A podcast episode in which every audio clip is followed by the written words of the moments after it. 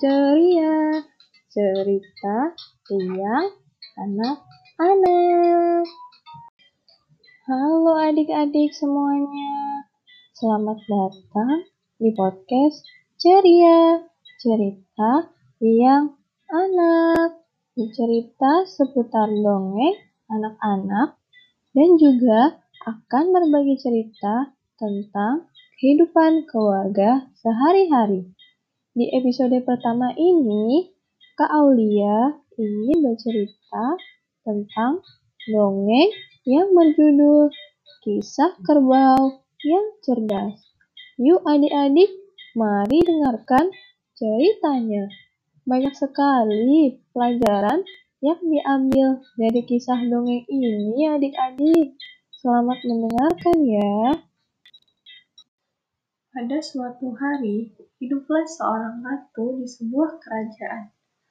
Ratu ini adalah wanita tercantik di seluruh negeri dan sangat bangga dengan kecantikannya. Ratu memiliki cermin ajaib yang dapat menjawab setiap pertanyaan. Setiap pagi, Ratu berdiri di hadapan cermin ajaib dan bertanya kepada cermin ajaib, Wahai cermin ajaib di dinding, siapakah wanita tercantik di negeri ini? Setiap hari pun cermin ajaib menjawab, Ratuku adalah yang paling cantik di negeri ini. Suatu hari, saat pertengahan musim dingin, saat salju jatuh seperti bulu dari langit, Ratu duduk dekat jendela yang dipigura oleh kerangka kayu berwarna hitam. Sambil menjahit, dia menatap salju hingga tak sengaja Jarinya tertusuk jarum. Tiga tetes darah jatuh dari jari ratu yang terluka. Darah tersebut jatuh di atas salju, merah di atas putih, tampak begitu cantik. Melihat seperti itu, ratu kemudian berpikir, andai saja aku punya anak dengan kulit seputih salju, bibir semerah darah, dan rambut sehitam bingkai jendela ini. Tak lama kemudian, sang ratu pun memiliki anak dengan kulit seputih salju, bibir semerah darah, dan rambut sehitam bingkai jendela. Dia dipanggil Putri Salju. Waktu terus berjalan, dan Putri Salju tumbuh menjadi gadis remaja. Kecantikannya sudah melampaui kecantikan ratu. Suatu hari, ratu kembali bertanya kepada cermin ajaib. Wahai cermin ajaib di dinding, siapakah wanita tercantik di negeri ini? Saat itu, cermin ajaib menjawab, Ratuku adalah yang paling cantik di negeri ini. Tapi, Putri Salju seribu kali lebih cantik daripada ratuku. Sejak saat itu, Ratu pun menjadi benci kepada Putri Salju. Ratu merasa kecantikannya tersaingi oleh Putri Salju. Ratu berpikir untuk menyingkirkan Putri Salju, sehingga dia akan kembali menjadi wanita tercantik di negeri ini. Ratu pun memanggil pemburu dan menyuruhnya membawa Putri Salju ke hutan. Pemburu itu diperintahkan untuk menikam Putri Salju sampai mati dan membawa paru-paru dan hati Putri Salju kembali ke Ratu. Ratu ingin memasak paru-paru dan hati Putri Salju dengan garam dan memakannya untuk melampiaskan kebencian kepada Putri Salju. Pemburu pun mengajak Putri Salju ke hutan. Ketika pemburu mengambil pisau, berburu untuk menusuk Putri Salju, Putri Salju mulai menangis dan memohon sungguh-sungguh agar pemburu itu tidak membunuhnya. Putri Salju berjanji untuk melarikan diri ke hutan dan tidak pernah kembali. Pemburu merasa kasihan kepadanya, dan ia berpikir untuk melepaskan Putri Salju. Jika Putri Salju berlari ke dalam hutan, maka putri salju akan dimakan oleh binatang buas. Maka pemburu pun melepaskan putri salju dan menyuruhnya berlari ke dalam hutan. Untuk memenuhi permintaan ratu, agar membawa paru-paru dan hati putri salju, pemburu itu pun membunuh seekor babi hutan.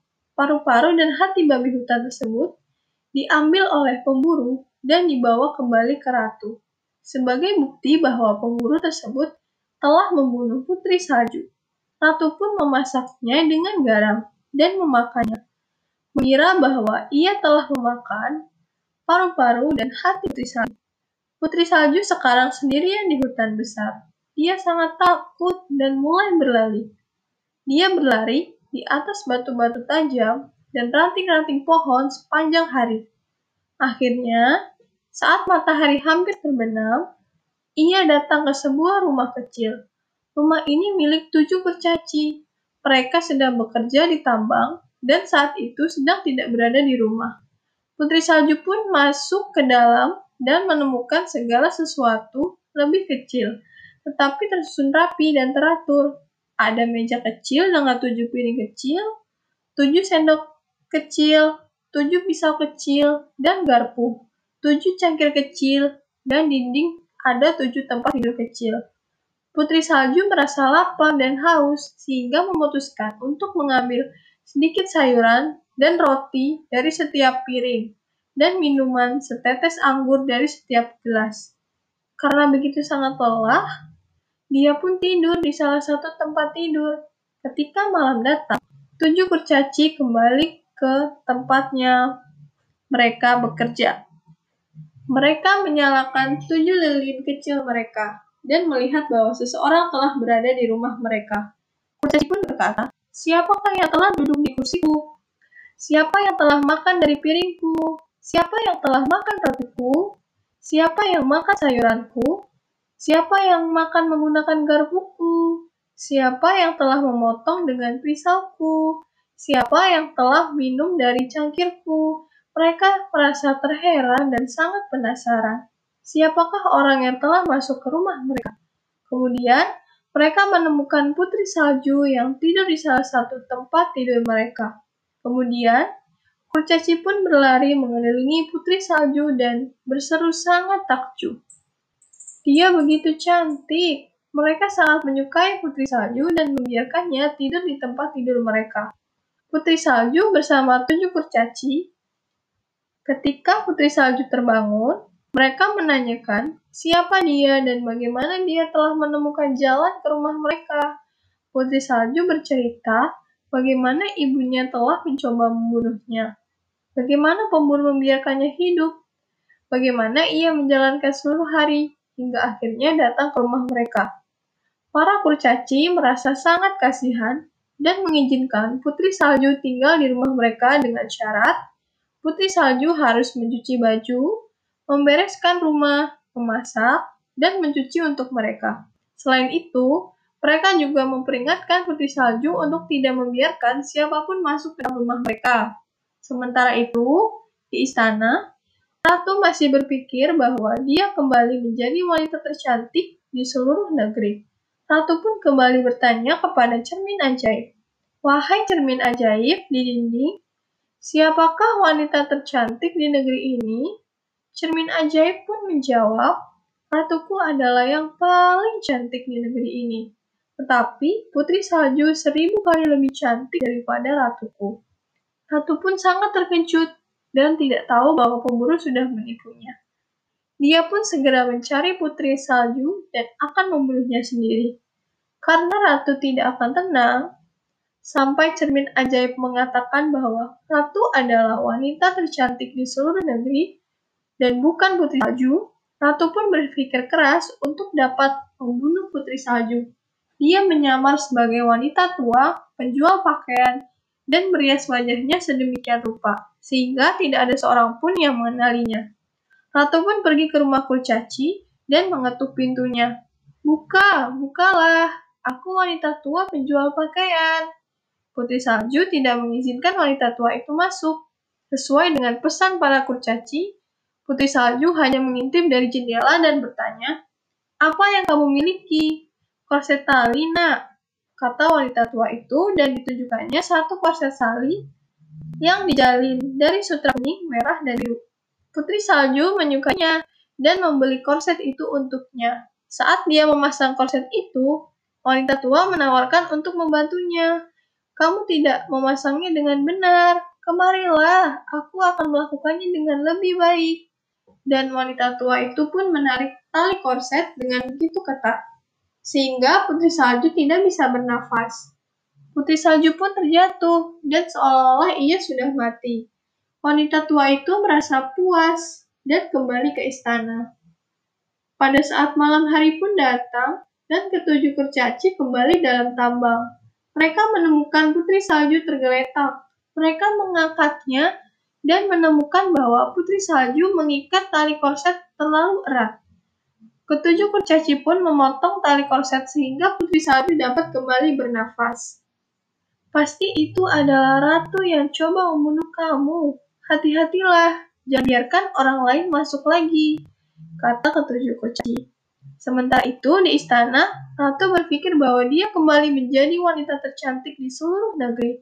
Ratu pun kembali bertanya kepada cermin ajaib. Wahai cermin ajaib di dinding, siapakah wanita tercantik di negeri ini? Cermin ajaib pun menjawab, Ratuku adalah yang paling cantik di negeri ini, tetapi putri salju seribu kali lebih cantik daripada ratuku. Ratu kembali terkejut. Dia pun menyusun rencana baru untuk membunuh putri salju. Ratu pun membuat sisir beracun. Ratu kembali menyamar menjadi penjual sisir dan mengetuk pintu rumah tujuh kurcaci. Putri salju tidak memperbolehkannya masuk. Lalu Ratu mengeluarkannya sisir dan mengatakan bahwa dia penjual sisir. Putri salju pun membukakan pintu dan memilih sisir. Ayo, biarkan aku menyisir rambutmu, kata wanita penjual. Dia baru saja menempelkan sisir ke rambut putri salju, sehingga membuat garis itu jatuh dan mati. Itu akan membuatmu terbaring di sana, kata ratu. Para kurcaci pulang tepat pada waktunya. Mereka melihat apa yang telah terjadi dan menarik sisir racun dari rambut putri salju. Putri salju membuka matanya dan hidup kembali. Dia berjanji pada kurcaci untuk tidak membiarkan siapa pun masuk ke rumah tujuh kurcaci tersebut. Sementara itu, di istana, Ratu masih sangat berpikir bahwa dia kembali menjadi wanita tercantik di seluruh negeri. Ratu pun kembali bertanya kepada cermin ajaib, Wahai cermin ajaib di dinding, siapakah wanita tercantik di negeri ini? Cermin ajaib pun menjawab, Ratuku adalah yang paling cantik di negeri ini, tetapi putri salju seribu kali lebih cantik daripada ratuku. Ratu pun sangat marah. Putri salju, kau akan mati walaupun imbalannya adalah nyawaku. Ratu masuk kamar rahasia dan membuatkan apel beracun. Keesokan harinya, ia menyamar sebagai wanita tua penjual apel. Wanita tua itu menawarkan apel kepada Putri Salju. Putri Salju pun menolaknya. Jika kamu tidak ingin, aku tidak bisa memaksamu, kata wanita tua itu. Jika kamu takut, maka aku akan memotong apel menjadi dua bagian dan makan setengahnya. Ini kamu makan setengah yang kemerahan. Apel itu dibuat begitu berseni dan hanya setengah yang beracun. Ketika Putri Salju melihat bahwa wanita tua itu makan separuh bagian dari apel itu, keinginan, keinginan untuk mencicipi semakin kuat, sehingga ia akhirnya membiarkan tangan wanita tua itu memberikan apel yang setengah lainnya melalui jendela. Putri Salju pun menggigit apel tersebut. Belum sampai habis, Putri Salju pun sudah sangat terjatuh ke dalam tanah dan mati. Ratu sangat senang. Dia pulang ke istana dan bertanya pada cermin ajaib. Wahai cermin ajaib di dinding, siapakah wanita tercantik di negeri ini?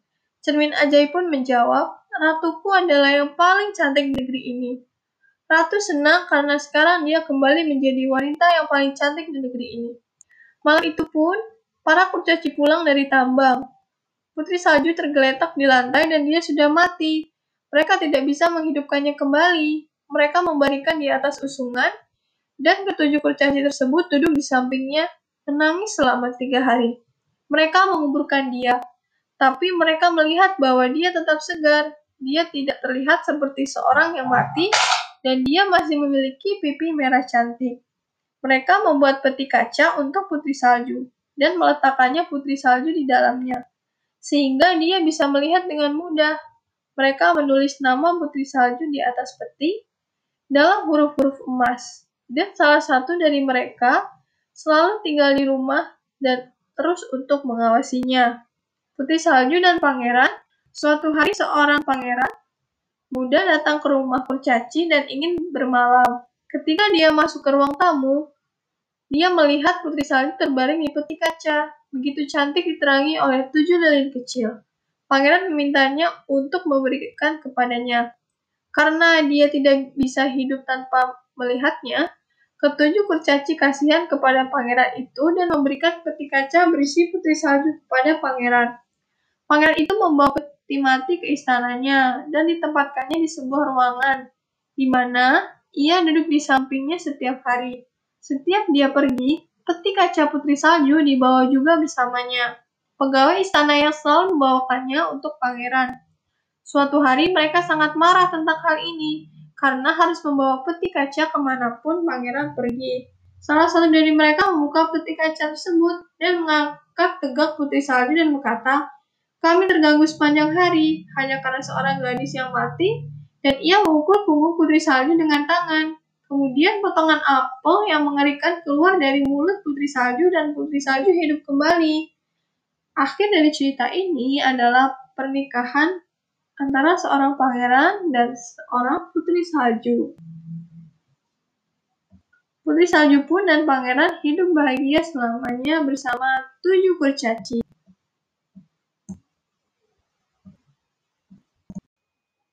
Nah, adik-adik sobat ceria, tadi Kak Aulia udah bercerita tentang kisah dongeng Putri Salju dan tujuh kurcaci. Banyak sekali pelajaran yang diambil dari dongeng ini ya adik-adik sobat ceria semua, yaitu jangan mudah percaya kepada orang lain, jangan memandang diri sendiri sebagai yang terhebat. Percayalah bahwa akan ada orang yang selalu membantumu, akan ada saatnya bahagia maupun saat terburuk. Jadi segitu aja ya episode podcast kali ini adik-adik sobat ceria. Aku Kak Aulia dari Ceria Podcast. Sampai ketemu lagi ya di episode selanjutnya. Ya adik-adik sobat ceria. Dadah. Ceria. Cerita yang anak-anak.